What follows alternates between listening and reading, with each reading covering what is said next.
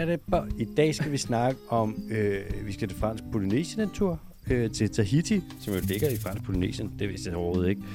Øh, der sker noget med fiskeriet der, som er meget godt. Det skal vi snakke om. Og så skal vi snakke om øh, koraller, som man har held med at fryse ned og tø op, uden at de dør, og det kommer vi ind på. Så skal vi snakke om spækhugger, øh, hvor er selvfølgelig er der kun en art af dem. Altid kun en Der er altid kun en arm. Der er ikke flere end en art. Det kan du være helt sikker på.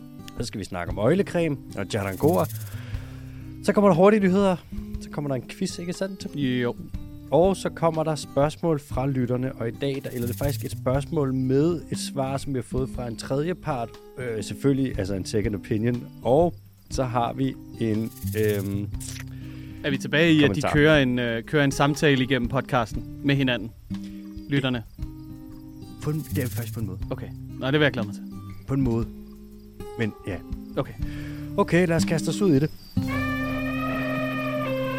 Mathias Bondo, Kim, velkommen til. Flot hat. Jo, tak. Jeg har fået en hat på i dag. Det har jeg ikke så ofte, men øh, jeg har begivet mig ud i det. Du er en hat og en scarf. Ja, Du er Det er i begge efterårsfarver. det var fordi, at øh, det blæste lidt udenfor.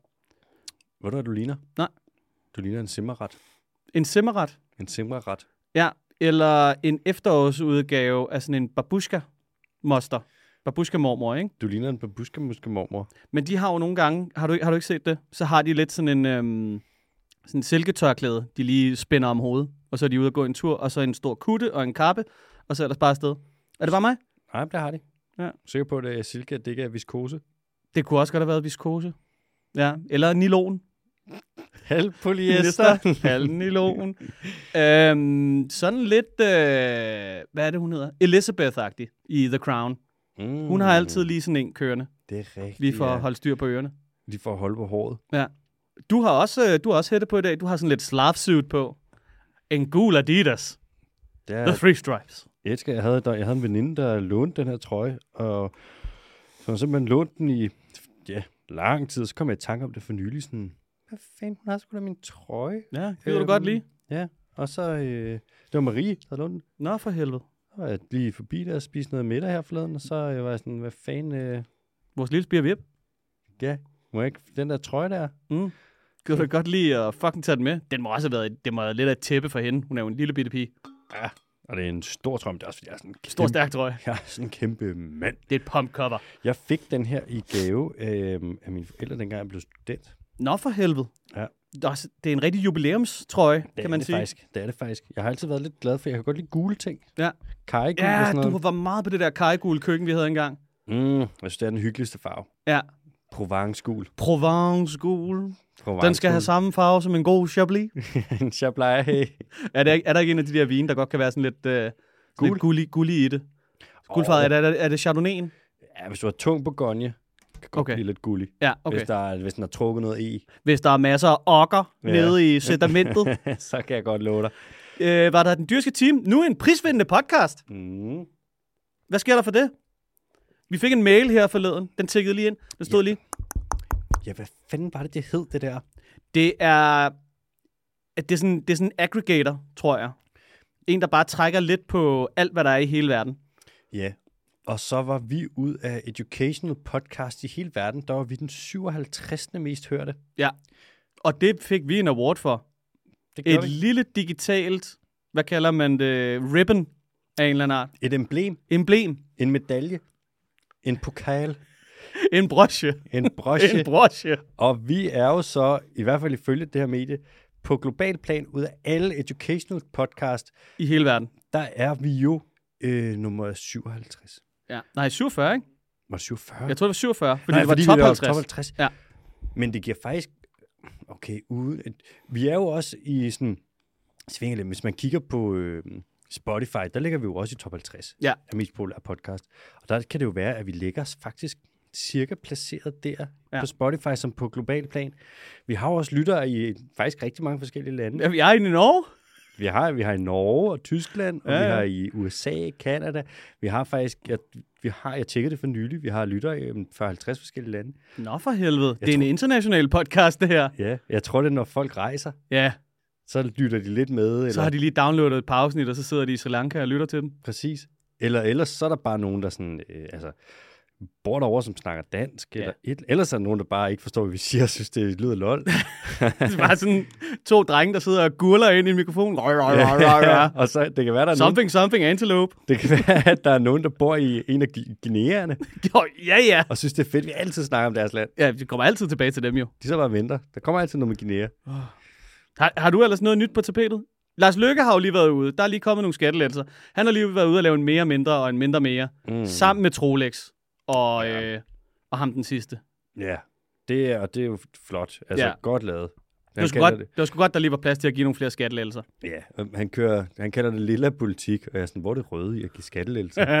det, er der sgu, det gør de sgu da ikke. nej, nej, nej. Men det er sådan, er det jo. Det er jo den store håndværker, han kan jo Altså, han får sin egen dyne. Det må man skulle give ham.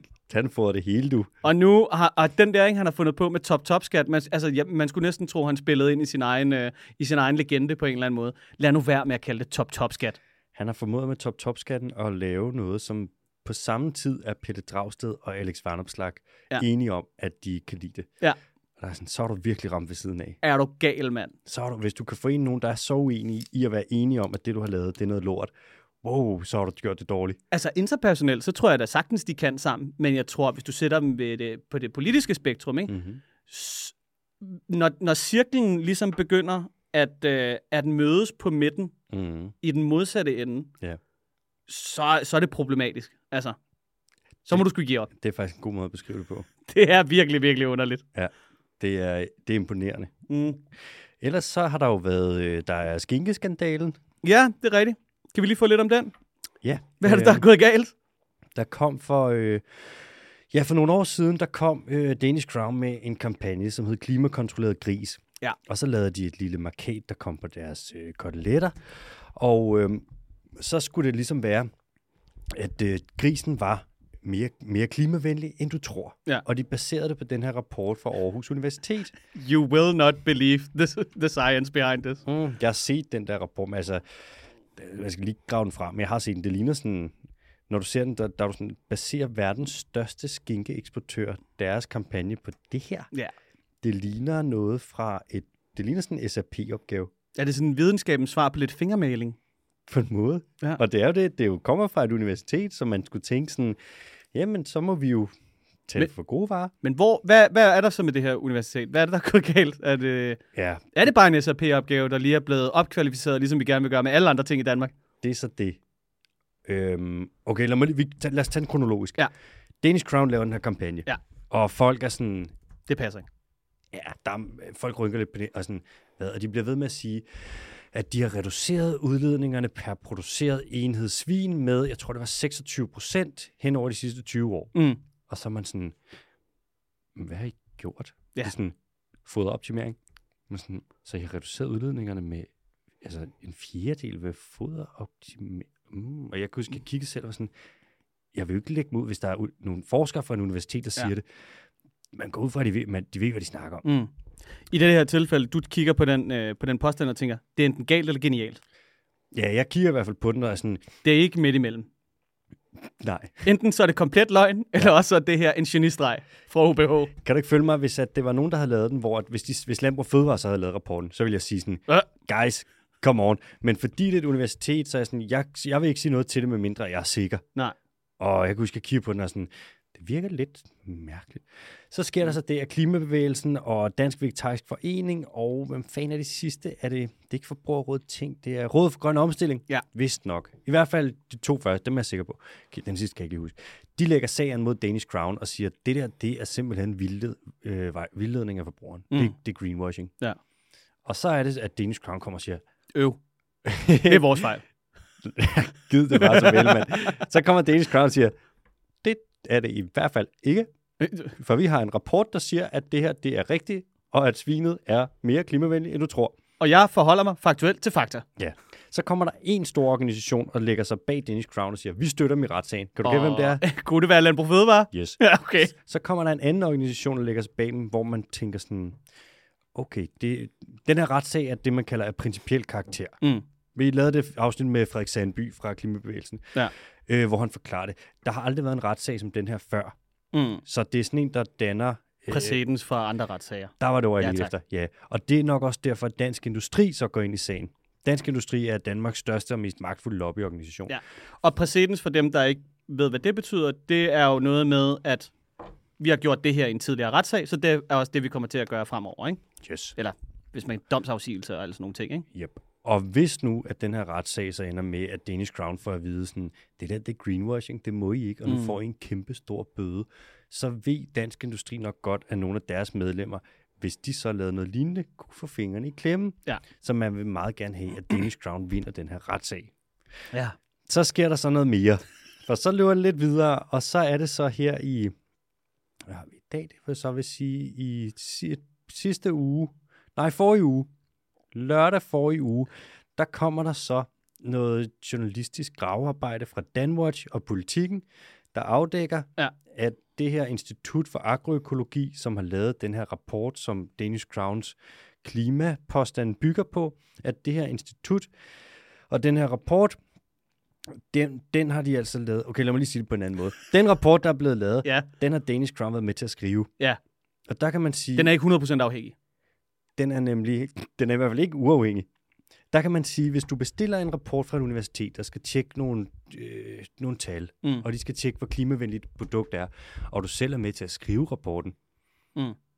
det er det, man kalder en sensor til egen eksamen situation, og det er dybt problematisk. Der kan vi se, at øh, det kommer jo an på, altså, hvem du er. For Danish Crown er det lidt lækkert. det er rigtigt, medmindre det bliver opdaget. Åh, oh, nej. Kan du huske oksekødsrapporten? Øh, altså, det, det dæmmer, men, øh, men jeg må krybe til korset og sige, nej. Oksekødsrapporten kom fra Institut for Agroøkologi på Aarhus Universitet, altså Ja. samme sted, Mm. for nogle år tilbage. Og Var den, det det med bøvsereducerende foder og sådan noget? Nej, det er noget andet. Nå, for helvede. Ja, okay. det er nyere tid. Den her kom for nogle år tilbage, og der var der så en rapport, der sagde, at oksekød var slet ikke så klimaskadeligt, som man skulle tro. Nej. Og oksekød, der var meget, slik var mere klimaskadeligt, og Ja, ja. oksekød var faktisk et grønt produkt. Mm. Det var en rapport... Det er ligesom at plantere. Ja, det var faktisk, ja, det er lige så grønt som en plantræer. Den her rapport, den var så bestilt af Landbrug og Fødevare, men de havde været med til at skrive den. Nå, Så den her rapport, det var en stor skandal. Det blev så afdækket af, jeg tror, det var Berlingske. Og det endte med, at lederen for det her Institut for Agroøkologi, han blev fyret. Og det var sådan en stor skandal, og folk var sådan, det kan man jo ikke det her. Du kan jo ikke komme ind og påvirke forskning på den måde. Det er jo dybt kontroversielt. Altså, det er vildt nok, hvis de bare vil få lov til at skrive en opsummering af rapporten i virkeligheden. Altså, de skal jo slet ikke være med indover. De skal jo fuldstændig ikke være med. Det svarer til, at Er der ikke et armslængdeprincip her, som simpelthen må spille ind på en eller anden måde? der er et armslængdeprincip, som er blevet svigtet. Okay. så kan vi se, at øh, blandt andet har Danish Crown sagt til Aarhus Universitet, hvor at det er jo de samme to forskere, der har været med ind over både oksekødsrapporten og skinkeskandalen. Så har de sagt, Danish Crown, de har sagt, Skinkeskandalen. det kommer man til at hedde, Ja. bare vent, jeg gentager det indtil ned. Skinkegate. Ja, det er jo det. The ham gate. The ham is open. Release Nej. Så øhm, kan man se, Danish Crown har blandt andet sagt, at det her med soja i fodret, Ja. udledningerne forbundet med det her soja, det skal bare være et andet bilag. Det skal ikke regnes med.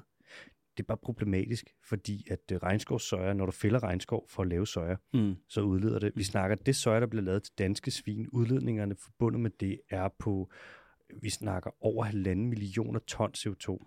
Altså vi snakker omkring 5%, hvad der svarer til omkring 5-10% af Danmarks samlede udledninger.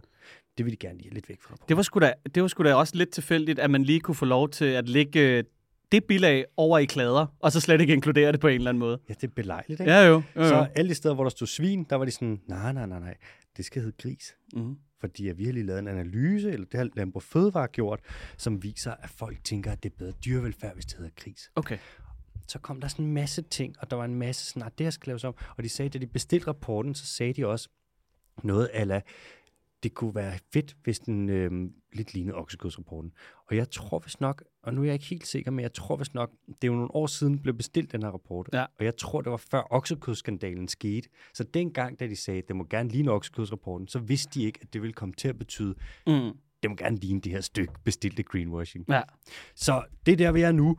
At nu kommer der den her retssag. Det bliver så her i november, at den løber af staben.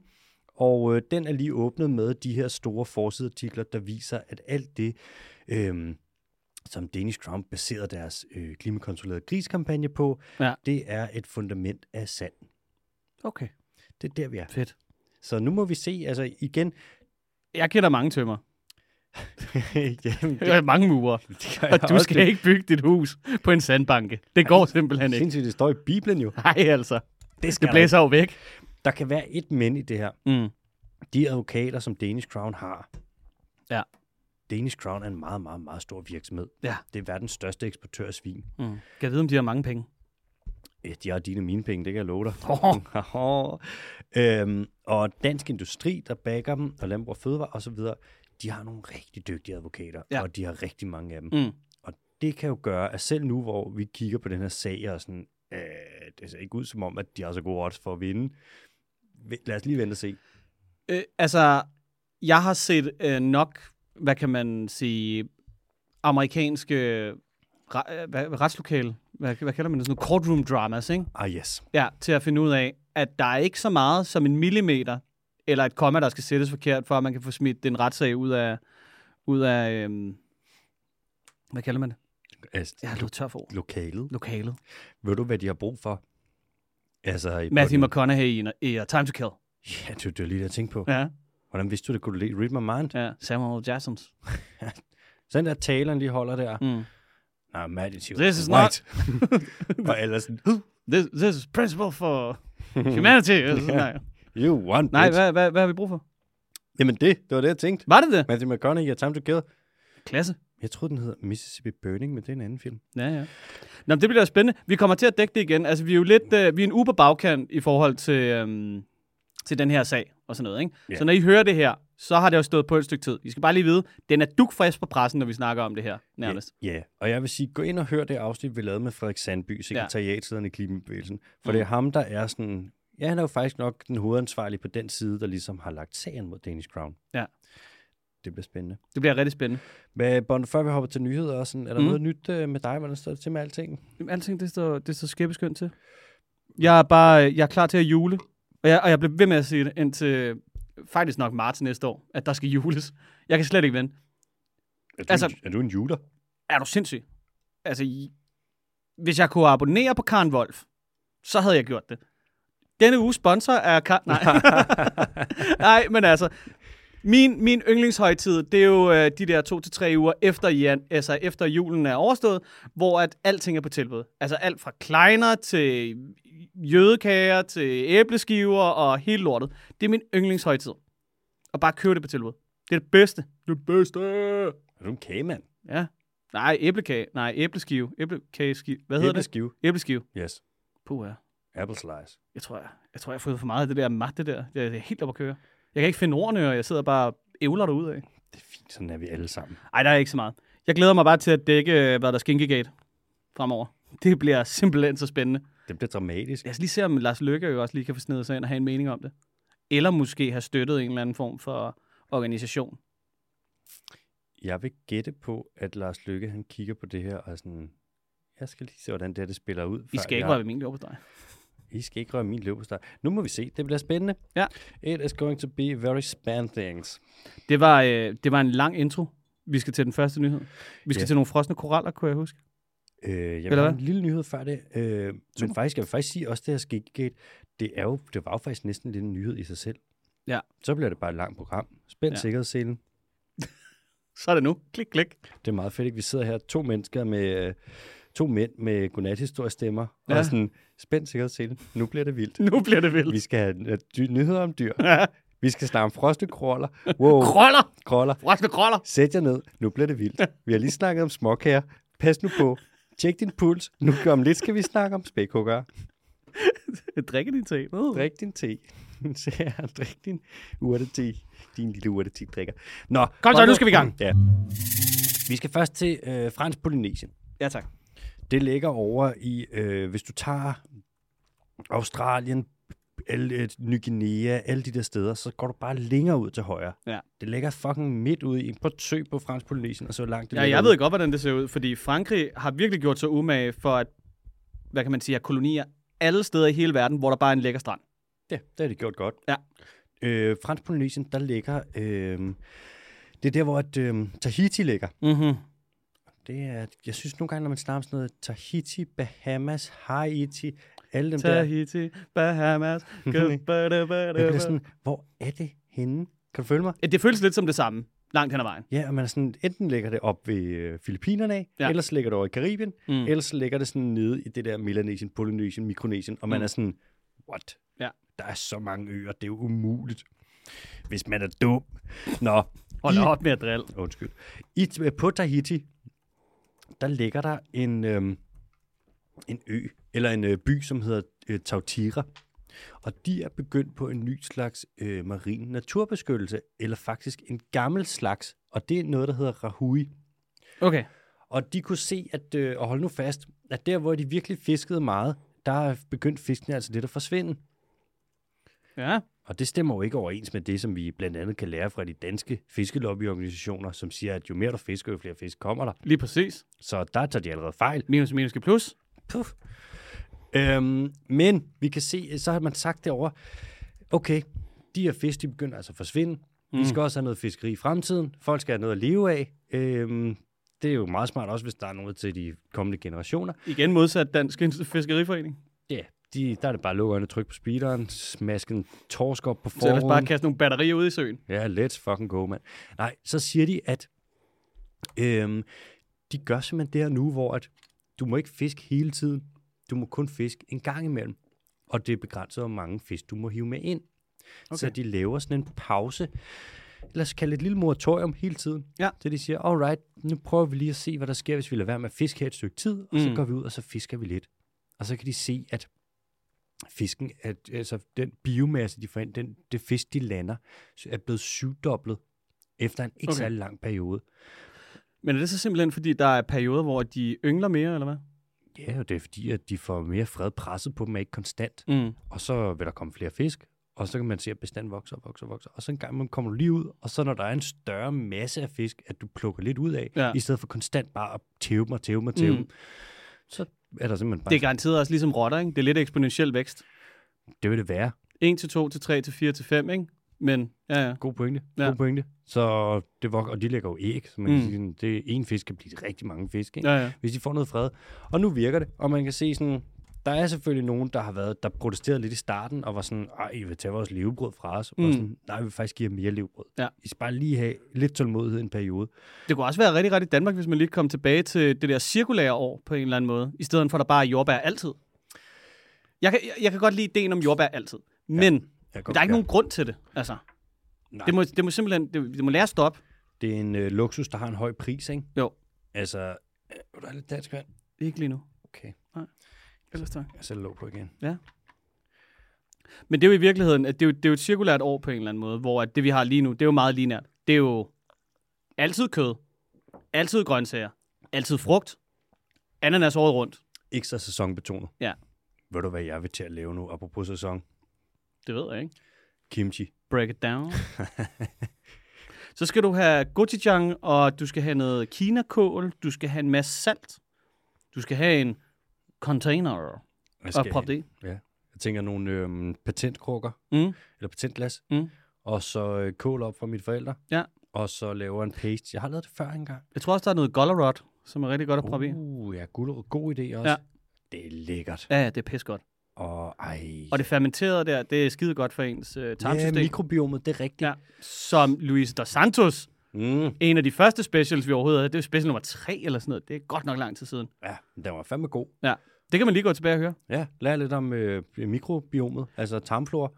Ja, fordi hun sagde også, hvad er det, hvad er det, hvad, 90 procent, eller hvad er det, 70 procent af den serotonin, der bliver produceret, det kommer fra mikrobiomet i maven, eller bliver aktiveret af mikrobiomet i maven. Præcis, mand. Så altså, dårlig kost og depression og alle de der ting, det hænger sammen. Absolut.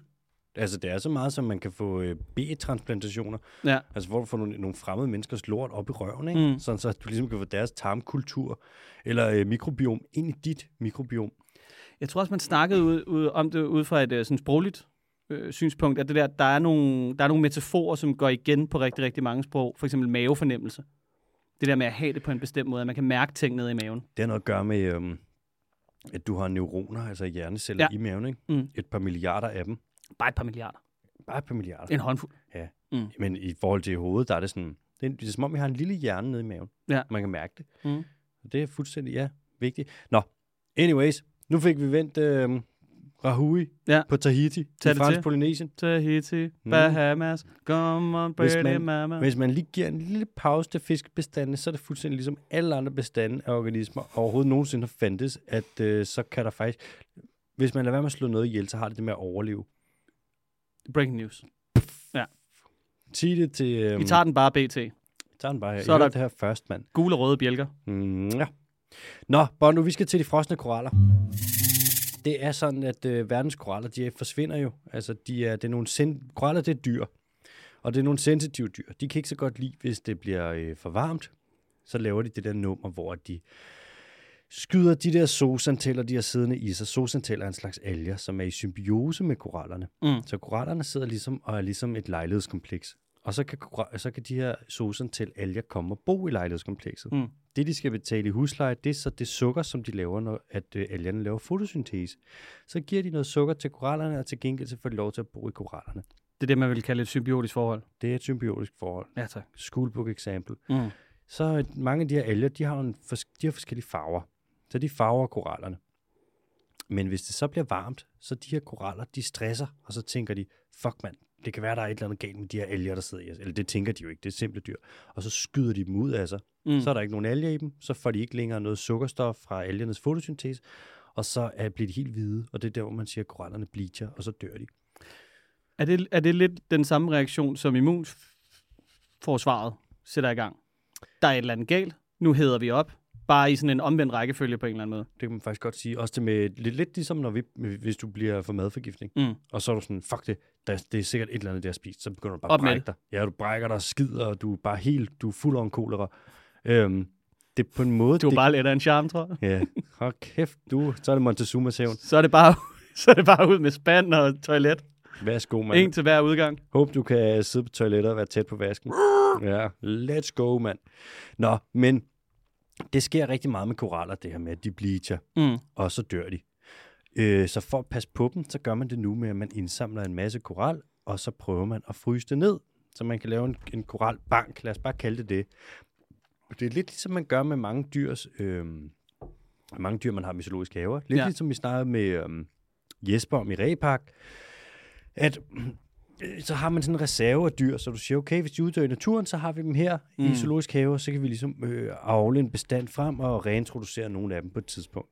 Og man gør det med planter, hvor du gemmer plantefrø op, op i Svalbard, op Mm. i et bjerg. Jeg skulle til at sige det, det ender jo bare med, at hele naturen bare er kogt ned til, nu kan du komme ind og se det i den her bank. Ja, så er det bare en frøbank. Ja. Så kan du kigge på sådan nogle små dutter eller noget Der sæd. er ikke også en mælkebank eller sådan noget? Jo, man har sådan en mælkebank. Okay. Det er, også, det er meget til forskning. Ja. Det syge er, at jeg vil vide med, at der er nogen, der arbejder i den mælkebank. Mm, der har lavet en rigtig god rigsret. Ja. Risalamang. De har bare styr Verdens på det. bedste fløde. Dolce di leche, kom fucking her. Øh, de, jeg tror, de har smagt meget af det dyrt. Smagte det? Jeg har smagt rigtig meget mælk.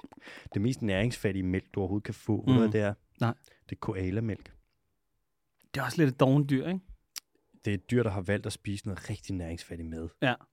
Den er det, har de også, og de har hele tiden sådan noget nede i... Øh, Der er meget klamydia hos øh, ja, der er meget klamydia. Ja, og man vaccinerer dem faktisk. Okay. Okay. Øh, og det har, er et problem. Jeg tror, det er blevet et mindre problem nu, men det har været et stort problem Mm. i nogle af bestandene i Australien, at de simpelthen har så meget klamydia, at de bliver sterile. Det er simpelthen så ulækkert. Ja, det er det jo. Det er jo godt og skade for, eller det er jo, eller Jomfru Anegade, ikke? Ja, ja. For fuld Gaddafi, altså. Men øh, ja, koalamælk er meget, meget, meget, meget næringsfattigt. Til gengæld så er der nogle former for øh, marine pattedyr, nogle sæler, som har den mest øh, næringsrige mælk, der findes. Rigtig fuld fed. Jeg lover dig, God der, laksemælk. der er nogle af dem, der kan, altså der er nogle sæler, eller er det søløv? Nej, det er sæler. Der er nogle sæler, hvor de her unger, de tager 20 kilo på om dagen. Hvad?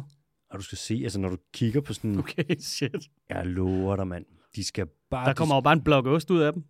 Det, det er fed mælk, altså det skal, jeg kan ikke huske det præcis, men jeg tror fedtprocenten kan være mellem 20 og 30 procent i noget af det. Jeg lover dig, du, det er, det, det fløde, det er den dobbeltfløde. Ja, ja. Det er lige før, det ikke er flydende mere. Shit. De vokser hurtigt, Ja, ja, og det de kan bliver fede. Øhm, så mælk svinger sindssygt meget. Mm. Menneskemælk ved jeg faktisk ikke, hvor det ligger på den skala. Jeg vil gætte på, at det ligger i den mere næringsfattige ende. For så hurtigt vokser menneskebørn ikke. Nej. Ikke i forhold til nogle af dyreungerne, som vokser fucking hurtigt. Men altså, de der unger, de skal altså også lige tage sig lidt sammen. De kommer ud fuldstændig ubrugeligt. Der er intet andet dyr i hele verden, der kommer ud så ubrugeligt som menneskebarnet. Ej, man skal, det er det tætteste, man kommer på. Det er jo også det med menneskebarnet, er jo ikke, øh, hjernen er jo ikke færdigudviklet. Nej. Og det er ret unikt. Også det med, Kraniet heller ikke. Og... kraniet er ikke, og altså, det er derfor, vi, det tager så lang tid, før vi kan noget. Det er fordi, vi har så kæmpe store hjerner, som skal vokse ud. Mm. Det, der minder, noget, der minder om, ikke? det er punktdyrenes unger. Ja. For når de kommer ud, når en øh, kænguruunge eller en øh, tasmansk djævleunge kommer Ah, ud, det skulle da rigtigt. de er jo på størrelse med, de er gravide i måske et par uger, Mm. så kommer der unger ud, der er, altså det ligner sådan nogle små grønlandsrejer. Og nogle af dem er virkelig små. Mm. De skal lige kravle op, finde en nippel så hurtigt de kan, ellers så dør de nærmest Ja. med det samme. Og så ligger de jo nede i pungen og vokser, hvor mennesket er jo på en eller anden måde lidt det samme. Der er bare ikke nogen punkt.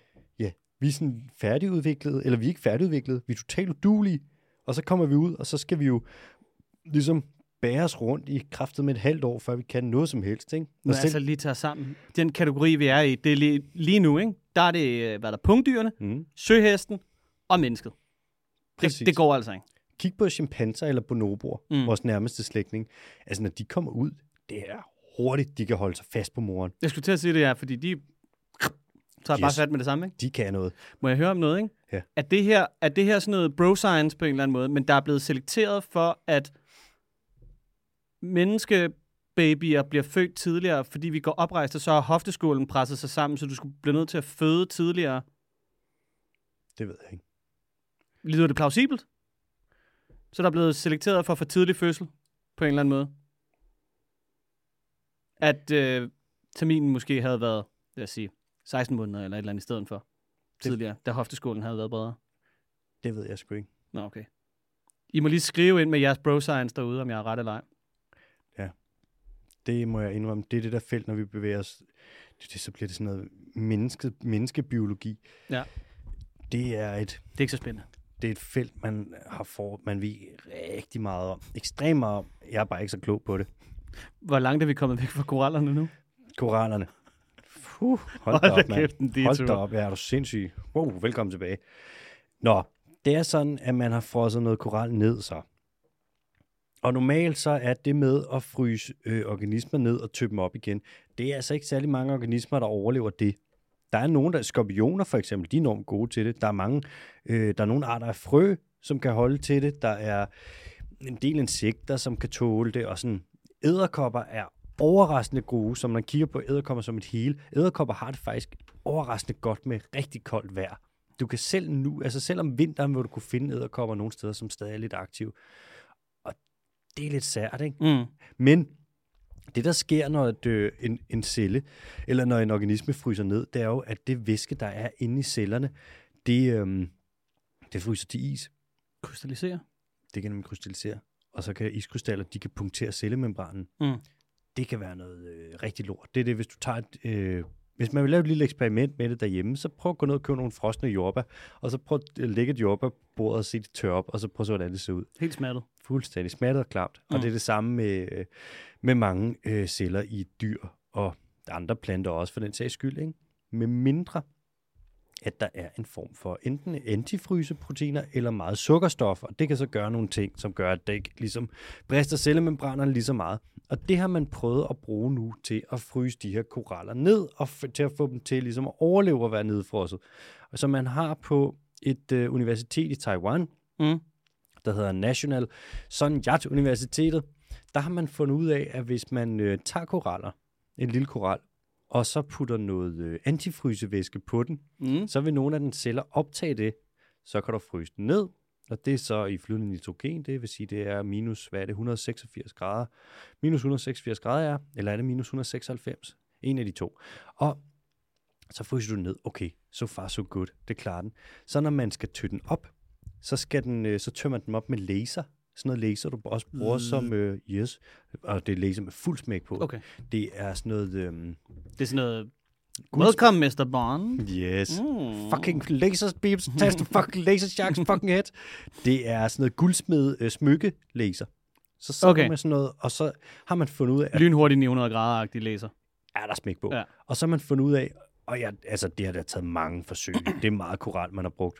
så har man fundet ud af, at hvis du blander en, for en lille smule guld ind i de her koraller, nogle små guldmolekyler, Yes. så vil de blive tøet op på en måde, hvor varmen fordeler sig mere, og det er af en eller anden grund. Nu er det over et felt, hvor det er sådan Ja. guld og smykker og pis og lort og koraller, hvor jeg, kan ikke, jeg forstår det ikke mere. Men der kan man se, at så begynder det altså at virke, og så overlever 11 procent af de koraller faktisk. Men er det ikke fordi, at metaller og molekylerne og sådan noget, de tager ret godt imod varme, eller der er heat transfer ret nemt, eller et eller andet? Det kan være sådan noget, at de er gode til at lede. Ja. Det er også det, man kan se. Ledninger, Varmeleder, ja. ja. Ja. Ja, de leder. Og så skynder man sig, når de ligesom tør op de her øh, koraller så lynhurtigt, så vasker du dem med havvand, så du får Vi skyller dem. ja, så du får det her antifrysevæske erstattet af noget, som de faktisk øh, skal have i sig. Ikke? Og det er taget direkte fra sprinkleren. Ja, ja, det går du ud og henter en tyose. Ja, har du kørt Supraen ind? Ja, Jeg skal lige tøne jeg skal lige, koral op. Jeg skal lige fryse det her koralsvin ned. Den skal ikke gå i stykker, dit svin, ligesom et jordbær. Uh. Øhm, men det her, det er, jo, det, er, det er jo på en eller anden måde et lille skridt, fordi det er bare sådan, okay, så 11 procent af de koraller, man fryser ned, kan man finde ud af at tørre op igen, uden at de dør. Mm. Men det er en stor succes, for man har virkelig prøvet det her meget. Man, gør, man forbereder sig jo lidt på, at øh, vi en dag har fået fikset nogle ting, så at havet det bliver mere koralvenligt igen. Ikke? Så det var den. Yep. Og når vi hopper videre. Der findes kun en art af spækhugger. Luk røven. øhm, Vi gider ikke, vi gider ikke skændes med jer derude. Der er en. Der er en. Der er en. Og hvis der er nogen, der siger noget, så skal I lige gå ind og google species, øh, species complex først. Spiseskrumle. Så prøv lige at tjekke det. Nå, øhm, over ved The Salish Sea, Salish Sea, som ligger det til venstre for USA, lige deroppe, hvor USA møder øh, ved Alaska og USA-grænsen der. Mm. Eller det er jo så ikke grænsen, der er jo USA, Kanada og så Alaska, ikke? Det er lige deroppe, hvor USA møder Kanada. Ja. Til venstre på kortet. Der er der en lille bestand af spækhuggere. Den er troet, fordi de spiser laks, og dem er der ikke så mange tilbage af, fordi der var lige en bestand, der gik ned og hjem, da man fiskede den i stykker.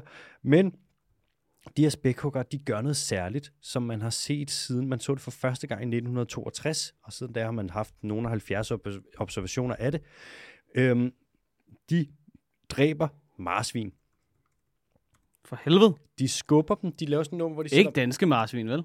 Nej, men sådan en, nogle arter, der minder lidt om de danske. Sådan nogle bitte små valer. Mm. De laver sådan et nummer, hvor de skubber dem med snuden, og så skubber de dem rundt, og det er ret voldsomt. De tager dem i munden, og de øh, kaster lidt rundt med dem, og de marsvinene overlever altså ikke det, de dør. Fordi det er ret voldsomt, det er ikke spækhugger, det er et ordentligt svin af dyr. De viser sig altså at være lidt af nogle røvhuller, de der spækhuggere. Ja, det kan de være. Det kan de være. Problem, eller hvad siger, ikke problem, Snakker man om problem spækhuggere, ligesom med ulvene? Ja, det gør man nok noget ved Gibraltar nu. Der, hvor de er i gang med at vælte øh, både i ny og næ. Ja, de skubber til roerne. Ja. Man ved ikke hvorfor. Nå. Og det er det samme med det her. Vi ved ikke, hvorfor de gør det. De spiser ikke marsvinene. Nej, det kan være, de bare synes, de er irriterende. Måske. Der er jo heller ikke nogen, der ved, hvorfor en femårig går hen og slår på en treårig. Det er nok bare, fordi den er lidt provokerende. Ja, eller dårligt opdraget. Ja. Øhm, man har kigget på sådan, man studerer spækhugger i hoved og røv, og du Mm. kan kende dem fra hinanden på deres mønster og deres finder og alt sådan noget. Så man ved, at de her spækhugger, der er jo i den her bestand, kender du samtlige individer. Mm. Så man har undersøgt, hvem er det egentlig mest, der gør det her så. Der kan du se sådan, okay, der er særligt fire af dem, som er rigtig slemme til det, og tre af dem, det er nogle hunder. Øhm, men det siger jo ikke så meget, vel? Man har tre ting, som man forestiller sig, at det kan være, at der kan forklare det her. Enten så leger de, hvor sådan, det kan være fucking brutalt, når dyr leger. Altså. Ja, ja. Ellers så øver de sig på at jage, for de her marsvin, det er meget unge marsvin, de dræber, og nogle af de unge marsvin er faktisk så små, så de har et lille overlap med de største laks i størrelse. Mm.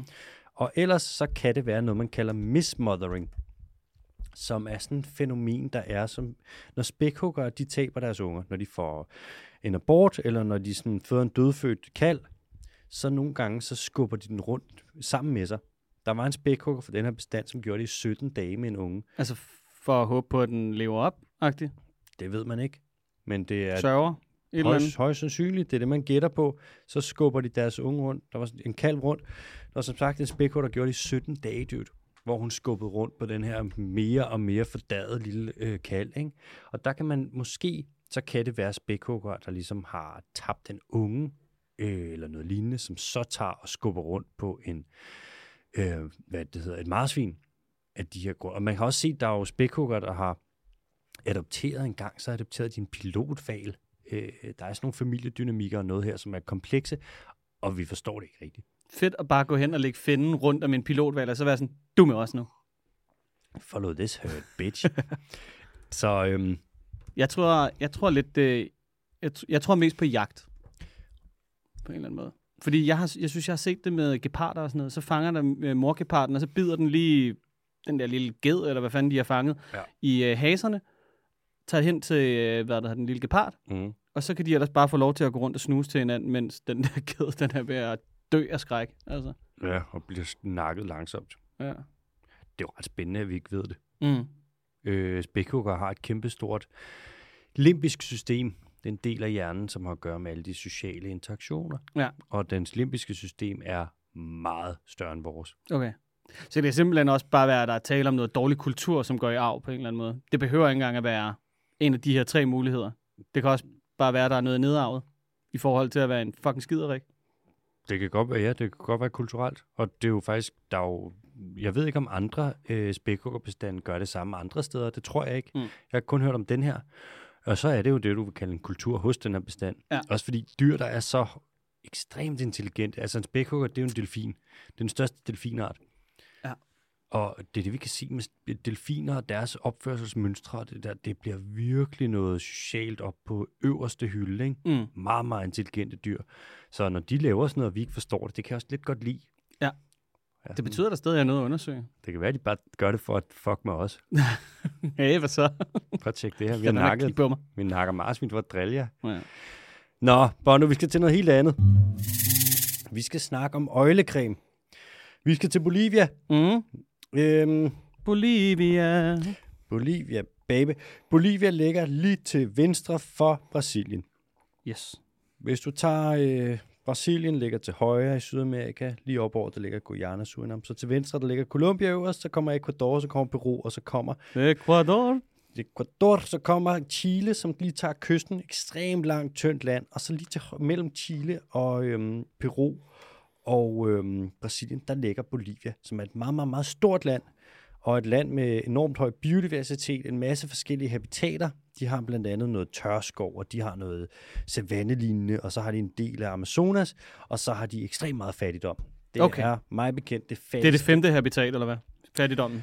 Det er et dominerende tema i Bolivia. Okay. Der er rigtig er fattig as fuck. Det er også det, hvor sådan, at gøre op med regnskovsfældning og sådan noget der, der kan man sige, det er virkelig svært, fordi folk er, de har ikke en skid. Mm. Nå, der er så også en masse gamle kulturer, oprindelige folk og alt muligt, der har været der før den spanske invasion. Ja, tak. Og der, de har nogle... Øhm, Conquistadores. The Conquistadors kom med Mm. deres fine hjelme og fuckede lortet op. Og... Lige, lige spredt noget influenza. ja, vidste du i øvrigt godt, at da man kom ind til, at man havde i sin tid, ikke? Mm. I øh, græsk mytologi, der havde du noget, du kaldte amazonerne, som var nogle øh, st- stærke krigerkvinder. Ja. Og da man så, det havde du i ma- for lang tid siden, før Vesten invaderede Sydamerika. Så da du kom til Sydamerika og sejlede op af Amazonfloden. Mm. det hed den ikke dengang, så mødte man nogle, øhm, nogle små, ikke særlig store mennesker med mørk hud og uden skæg og med mørkt hår. Og så troede man, og de kastede med spyd og bue og pil og sådan, og det troede man var kvinder, for de havde ikke noget skæg. Nej, Øh, og så sagde man, det der, det må er- være amazonerne. det er fandme Amazonerne. Det er derfor, Amazonas hedder Amazonas. Nå for helvede. Og det er derfor, Amazonfloden hedder Amazonfloden. Sindssygt. Og du kan se det med de oprindelige folk, der er ude i Amazonas. Øh, mænd har ikke rigtig skægvækst. Det er Så- også lidt bøvlet, er det ikke? Det er jo det er sygt besværligt. Jeg er da lykkelig over, at jeg ikke går et ordentligt skæg.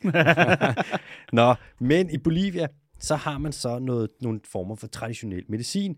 Det er altså ikke bare noget, der sådan er med Asien og traditionel kinesisk medicin.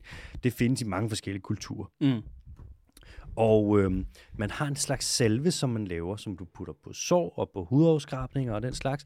Og det er lavet af en øjle, som hedder en jararanko. Ikke noget, ikke noget peniscreme. Ikke noget peniscreme. Man kan ikke få stiv pik af den her creme. Nej, så skal du sgu være ret ulækker.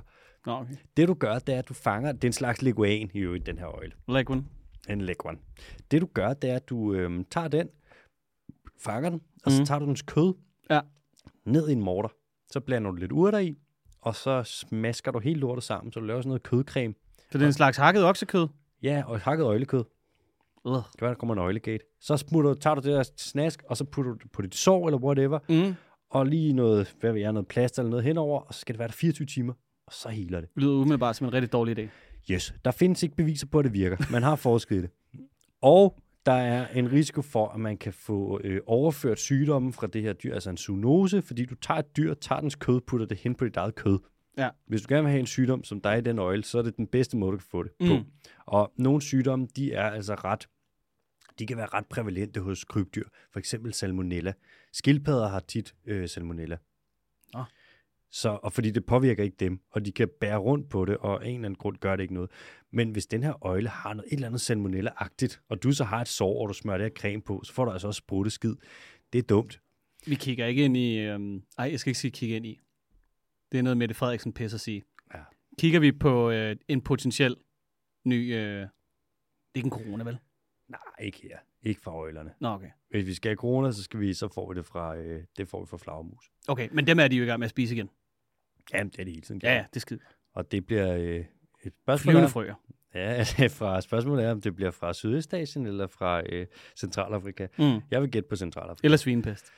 Svinepesten er der allerede, Nå, okay. men den har vi selv spredt, Ja, så ja. intet problem der. Nej, så er det en af de gode. Ja, det er en af de gode, Det ja. er rigtig vestlig. Man kalder det her, når du bruger en øh, dyrs kropsdel øh, til at prøve at hele et eller andet hos os, så kalder man det øh, sugeterapi. Og det er lovligt at gøre det her over i Bolivia, altså indfange de her dyr, for eksempel den her øh, øh, jararanco, og lave det her paste, hvis at du gør det som et led i, altså i forbindelse med noget kulturelt, der har at gøre med en kultur, som var der før, at den spanske invasion kom. Og det er det her så. Problemet er bare, at nu er den altså troet, den her, fordi at man fanger alle sammen. Jadaranko. Jararancoen. Den er troet, fordi du fanger alle sammen for at lave øh, creme af dem, ikke? Lad den være. Det er en mærkelig måde at udrydde noget på. Ja. Det er en Vil jeg smør, gå og smøre det på sig? Ja, sådan, hvorfor udrydde den? Jamen, det var fordi, at vi lavede creme. Det er for, for at spise den. Ah, vi lavede bare Hvad, hvad, hjalp, hvad, hvad hjalp det i øvrigt imod? Sår, hudafskrabning og sådan noget. Mm. Altså bevisligt? Nej. Nej, nej. Okay. Der er forskel i det. Ja. ja. Det er jo bare øh, kød, ikke? Du kan jo lige så godt bare lægge et stykke hamperryg på din hudafskrabning. Altså, du skal, ikke, du skal ikke begynde på det der. Den er kvart i, at der er en eller anden familiefar, der render rundt med koteletter på armene, fordi han lige har fået en hudafskrabning. altså, Jamen, det siger de der helt militante antiveganere, er du sindssyg. Sådan har du fået en rift. Du skal prøve makrel. Bare gå og smøre sig ind i medisterpølse. det synes jeg, har du hovedpine, så skal du have torskeroven i ørerne. det siger jeg, det kommer jo sikkert til at ske. Åh, oh, for helvede. Du skal jo have tyrens kraft.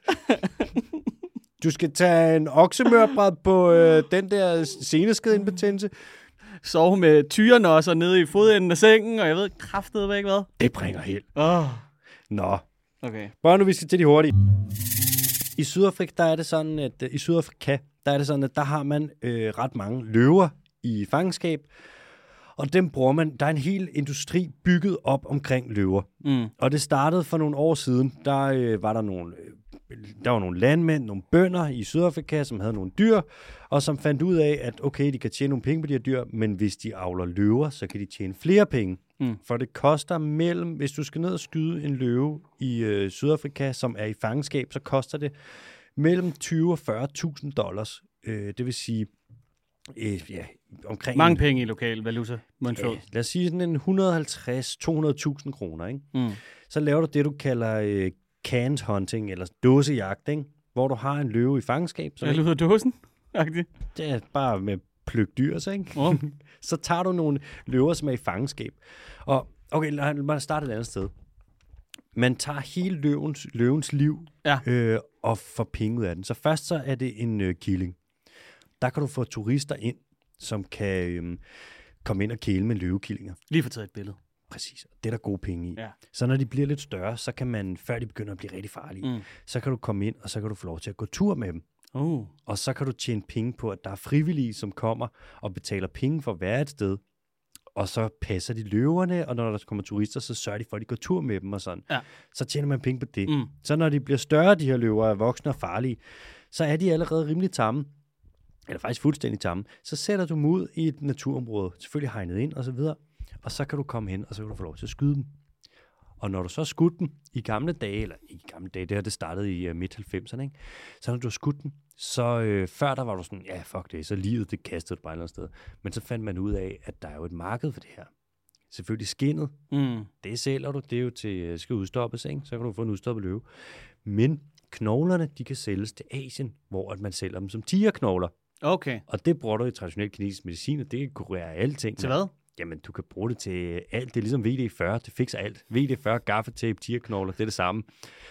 Øh, det, eneste, det, altså, det eneste, der ikke virker overhovedet i alt Ja. det her, det er Viagra. Ja. Viagra har aldrig virket. Nej, aldrig. Fordi, fordi så har man brugt det. Men, Det står også på pakken. ja, ja, Viagra doesn't work. Hej, placebo. Ja, doesn't work, motherfucker. Men øhm, nu, er, nu er problemet så, eller udfordringen er, der er et sted mellem 6 og 8.000 løver i fangenskab i Sydafrika nu. Og man har så sagt, fordi at de fleste af de turister, der er kommet ind og gerne vil skyde dem, det er amerikanere. Men i USA, der har du forbudt det her nu. Du må ikke importere trofæer og alt sådan noget fra den her industri, fordi man har sagt, det gør ikke noget godt for naturen. Det er bare lort med lort på. Øh, og det har så betydet, at markedet lidt, hvad siger man, Sagde de, mens de høstede Mellemøsten for alt det olie, man overhovedet kan grave op. Ja, USA er ikke de første, der skal snakke. Men øh, nu har man så i øh, Sydafrika nedsat et råd, som skulle finde ud af, hvordan fanden gør vi med det her, og der har de så sagt, jamen ved du hvad, det bedste vi kan gøre, det er sgu bare lukke det her, fordi at det er ikke lige så øh, etisk forsvarligt, og der kommer ikke rigtig noget godt ud af det. Så hvor mange tusind tamløver er det lige, man står med, står med på hænderne nu? Mellem 6 og 8.000. Okay. Så er det så, og nu er det, det er nu, Okay. du, nu skal du bare forestille dig, at det er som om, de har lært noget af os. Ja. Så kommer alle de her tamløvefarmer, og de siger så, så hvad, vil I lukke det her, eller hvad? Det kan I jo godt, men øh, altså, vi har jo ikke gjort noget forkert. Vi skal jo kompenseres. Mm. Og hvad tror du så, man gør? Man kompenserer. Nej, du gør noget, vi, man laver et rigtig dansk greb. Man siger, vi siger ikke, I skal lukke. Vi siger, at Nå, I må gerne I lukke. må gerne lukke. Det sagde du for to år siden. Ja. Men I må gerne lukke. Det vil være fedt, vi vil anbefale, I, det er bedst, Mm. I lukker. Ja. Men hvis I ikke gør det, sker der ikke noget. Nej, nej. Men lavede en frivillig aftale. Ja. Øh, det virker ikke, fordi det har aldrig virket. Nej. Der er ikke en frivillig aftale i verdenshistorien, der nogensinde har virket. Så nu har du stadig alle de her farme, og man er sådan, hvad fanden skal vi gøre? Og der er nogen, der siger sådan, afliv helt lortet, lav en mink, mand. Men man ved godt, at hvis der er nogen medier, der vil, så kan de få den historie ud over stepperne, og den kan blive så grim, at de ikke tør. Ja, ja. Det er virkelig en dårlig PR-kampagne for Sydafrika, der kan blive stablet på benene der. 8.000 løver dræbt. Som i øvrigt, altså kun lige er nærmest sluppet af med at være synonym med apartheid, mere eller mindre. Ja, så er der sådan nogle andre, der har løbet med den nu, ikke? Men det skal vi ikke ind i. Nej, Nå. det skal ikke blive politisk. Nej. Næste nyhed. Øh, Kælpskov, de her kæmpe store tangskove ja. her. Som i øvrigt kan være en, en, en dejlig hat. Ja, det kan være en dejlig hat, hvis du er en lille val. Ja. Du er en pukkevæg, så synes du nok, det er fashion. Øhm, kælpskovene, de er, man siger, at de fixerer enormt meget kulstof, og fordi at det er jo ligesom, der skal laves de her læderagtige store blade, og kælpskovene er kæmpe fucking store, osv., osv., osv. Men man er faktisk en lille smule i tvivl om præcis, hvor meget de fixerer. Altså, ikke, man skal ikke misforstå det her. Man ved godt, de fixerer rigtig meget, men præcis hvor meget, der er man sådan lidt. De fixerer det jo ikke ned i rødderne. Det er jo sådan noget med, at det ligesom ligger i væksten. De har jo ikke et, et det ligner jo et, på en måde et træ, men Mm. træet går ligesom ned i jorden, kan man sige. Det gør kælpen ikke. Mm. Og hvis nu den flyder væk, så er man sådan, hvad så med det kulstof, den har fixeret, hvordan eller hvorledes med det? Men man har så regnet lidt på det, undersøgt det, og hvordan og hvorledes, og bla bla bla bla, og fundet ud af, at kælpskov fixerer altså røvhammerne meget CO2, og jo mere kælpskov og tangskov der er, jo fucking bedre er det. Så det skal man lige huske. Hvis du selv om kælpskov, CO2-fixering, så skal du vide sådan, det er legit, mand. Og så lige den sidste hurtige nyhed. Mm. Ser du det, Pasco? Præcis. Cerro de Pasco-minen i Peru, det er en mine, der ligger over. Cerro de Pasco, det plejede at være øh, Perus næststørste by, på grund af den her mine, som er fucking stor, så hvor man miner, jeg finder det er zink og bly og sølv. Øhm, der er bare et lille problem. Ved mm. siden af den her mine, de folk, der bor der, de har så ekstremt meget metal og pis og lort ophobet i deres blod, at de alle sammen dør. De Mm. er ekstre- det er ekstremt usundt. Og man er sådan, den her mine ligger vidderligt lige op ad byen, og man er sådan, jeg skal ikke stoppe, altså folk dør i forurener. Øh, men den her mine, der er gode penge, så der er ikke rigtig blevet gjort noget, og fra politisk hånd, der er man også sådan, nah, fuck det, det er gode penge, vi lader bare folk dø. Men nu har folk fået nok, og nu kommer der altså, folk begynder at demonstrere og prøve at få lukket det her lort, så nu må vi se. Øhm, mine forurener, mand. Og med de ord, Bondo, kom med den quiz. Jeg har valgt, at øh, vi ikke skal have en lyd den her uge. Jeg synes, der gik lidt inflation i det. Så øh, den bliver uden lyd den her uge, men øh, hvis du gør det rigtig, rigtig dårligt, så kan jeg fortælle dig, at der kommer en slags gåderebus til sidst. Okay, er du klar? Mm. Meget unikt for ugens dyr er der tale om en fisk, der besidder et organ, der gør, at den kan overleve i ekstremt iltfattigt vand. Iltfattigt. Iltfattigt. Ja, perfekt til de danske kyster. Ha, øhm, det er, Ved du, hvad det er for en? Det kan være flere forskelligt, men jeg vil gerne gætte, jeg vil gerne gætte på, at det er en, øhm, enten det kan være en øh, Aripaima, eller det kunne også være en øhm, slags øh, en lungefisk. Nej, Ja, det kunne også være en slags malle. nej. Det kunne være, okay. Ja, okay, det er mange gæt på en gang. Det, Det er, en, det er en fisk, det, der tæller, det tæller lidt ned, kan jeg, man så sige. Jeg vil gætte på, det er en, lung, det er en fisk, der har lunger. Ugens dyr er en populær akvariefisk fra, det sydøst, øh, fra de sydøstasiatiske egne, der er kendt for sine flotte farver og sine lange, flotte finner. Er det en kampfisk? Det er det. Men hvad for en? Jeg kender ikke nogen af de individuelle kampfiskearter. Ugens dyr. Der er hannerne, indivi- øh, hvad det hedder, hannerne imellem. De er meget territoriale øh, og slås ofte til døde. Mm. Hjælper det? Jeg, jeg, jeg, må jeg bede om en mere? Det førnævnte organ, som ugens dyr besidder, er en slags labyrint, hvor igennem den kan udvinde ilt fra luften og dermed trække vejret. Er det en labyrintkampfisk? Nej, Nå. men det er fandme tæt på.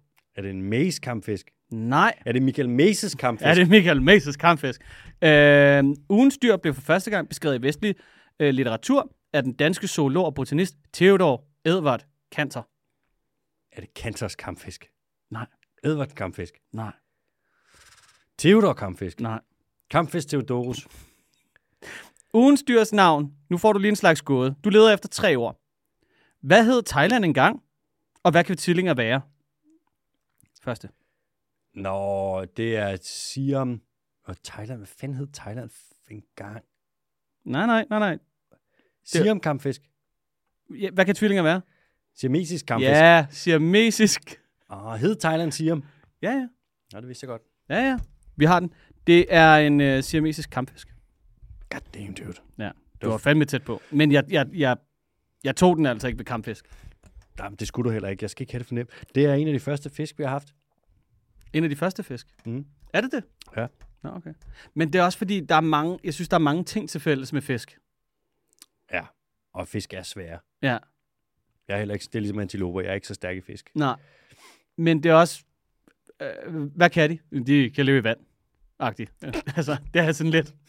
Jeg har siddet og kigget på det nogle gange. Altså, hvis du beskriver en arbor og en laks for mig, det er det samme. Det kan jeg sagtens følge. Ja. Ja. Vores kendskab til fisk er pinligt. Ja.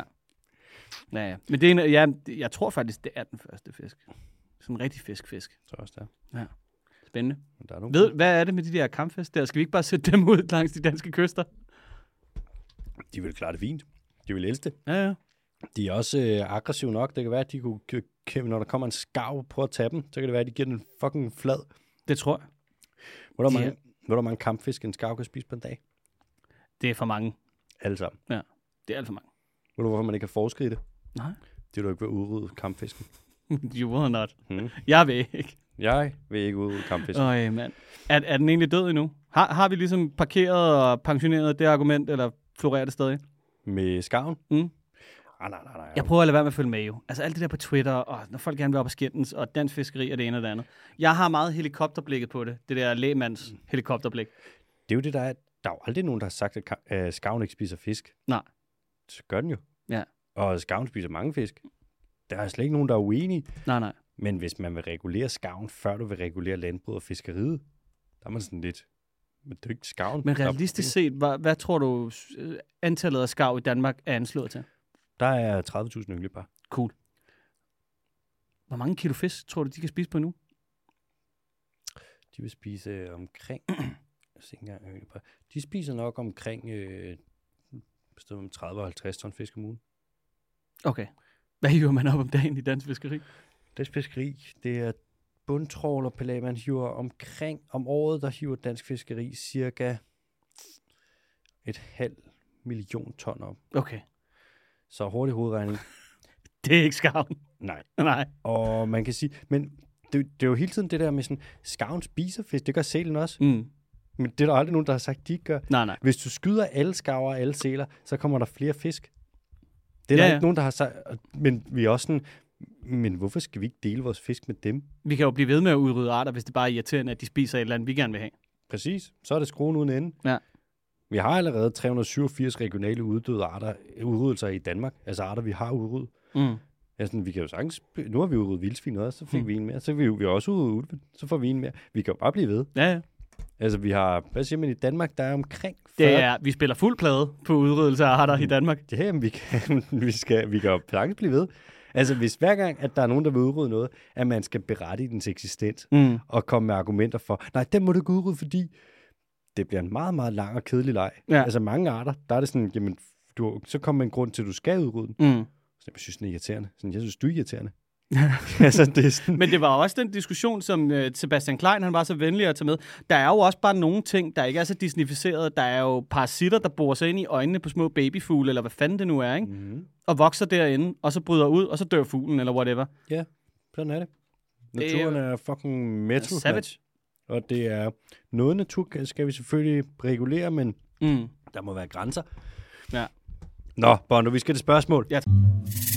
Jeg læser det første op, fordi det er lidt, øh, der kommer et, et svar over, eller et semisvar ind, så det er lige lidt, den er lidt svær. Fordi jeg har sat det rod op. øhm, det er fra Anja, Mm. som skriver, Halløjsovs DDT. Hej, Anja. Hej Anja. Tak for en kodylfed Det var podcast. så lidt. I bringer nogle spændende emner på banen. Ja, Og det, tak. Nej, stopper. og det er ret underholdende at høre på sådan. Ja, jeg er jyde. To gave gutter. Og så elsker jeg jeres referencer til Lord of the Rings. Det er klart yndlingsfilmene. Ja, tak. Yndlingsfilmene. Ja, de er fucking gode, Et mand. point. Et point. Jeg vil gerne lige anbefale noget her. Mm. Der er en YouTube-kanal, som jeg fandt for nylig, Ja. som hedder uh, Nerd of the Rings. Nej, nej, jamen, jeg har været på den i årvis. Okay. Ja. Genial. En anden ting med Lord of the Rings. Hvis din kæreste ikke har set den, ikke? lad være med at tvangsindlægge øh, personen til at se alle på en søndag, og lad være med at starte med øh, de altså extended editions. Der er en grund til de extended, og der er en grund til, at alle de der scener er blevet klippet ud. Start med den helt traditionelle, God gør det til en søndagsting. Måske hen over øh, ja, de næste par uger en lille adventskalender. Det er et godt tip. Og så kan man senere, så når vedkommende, man ser dem med, er blevet tændt på Ringens Herre, så kan Mm. man sige, næste gang ser vi Extended. Ja.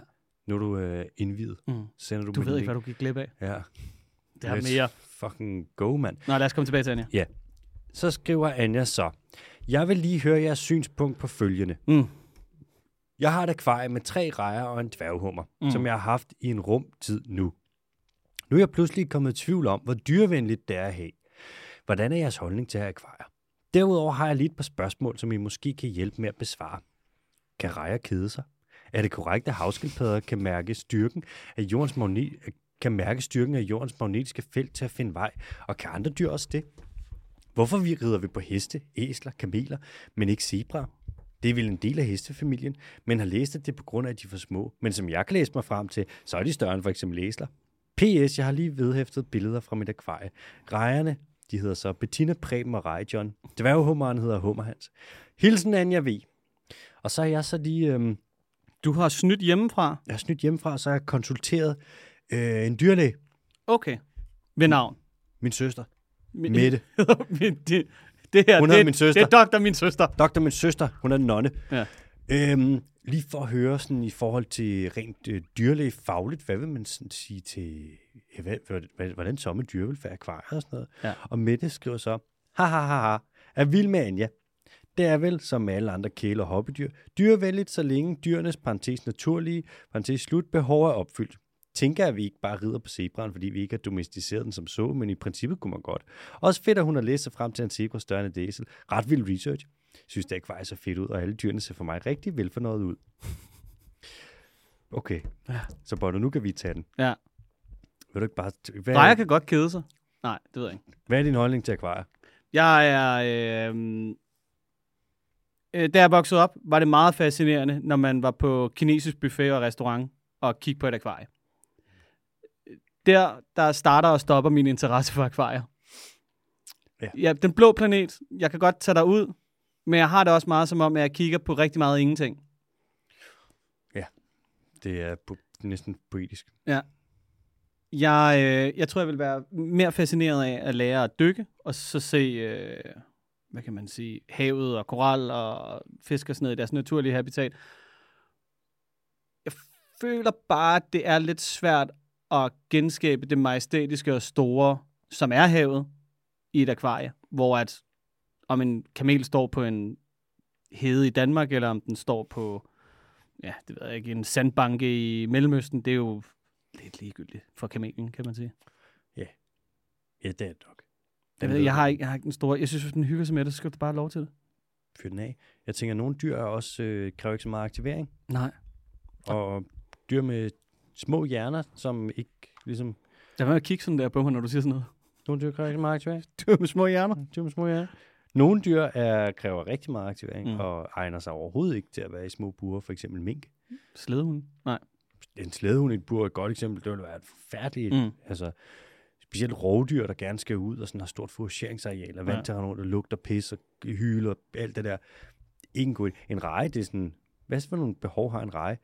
Øh, knip, æd, skid, Sand. ja, sand, vand, et eller er sådan, jeg tror ikke reje kede sig. Jeg tror simpelthen ikke, at de er... Jeg tror, Abstraktionsniveauet er ikke højt nok.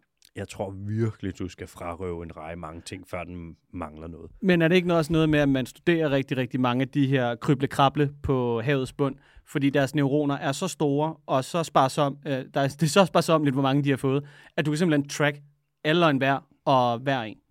Jo, det er det. Og apropos alle de specials, vi har nævnt, det er Katrine Vorså. Mm. Vi har haft en hjerneforsker, også et afsnit for mange år siden. Eller to år siden, ikke? For lang tid siden, mange afsnit Mm. siden.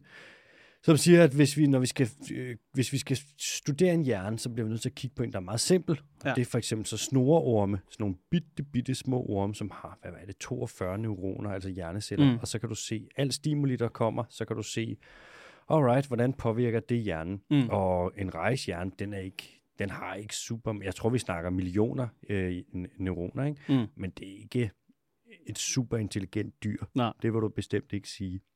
Nå, er det korrekt, at havskildpadder kan mærke styrken af jordens magnetiske felt og bruge det til at finde vej?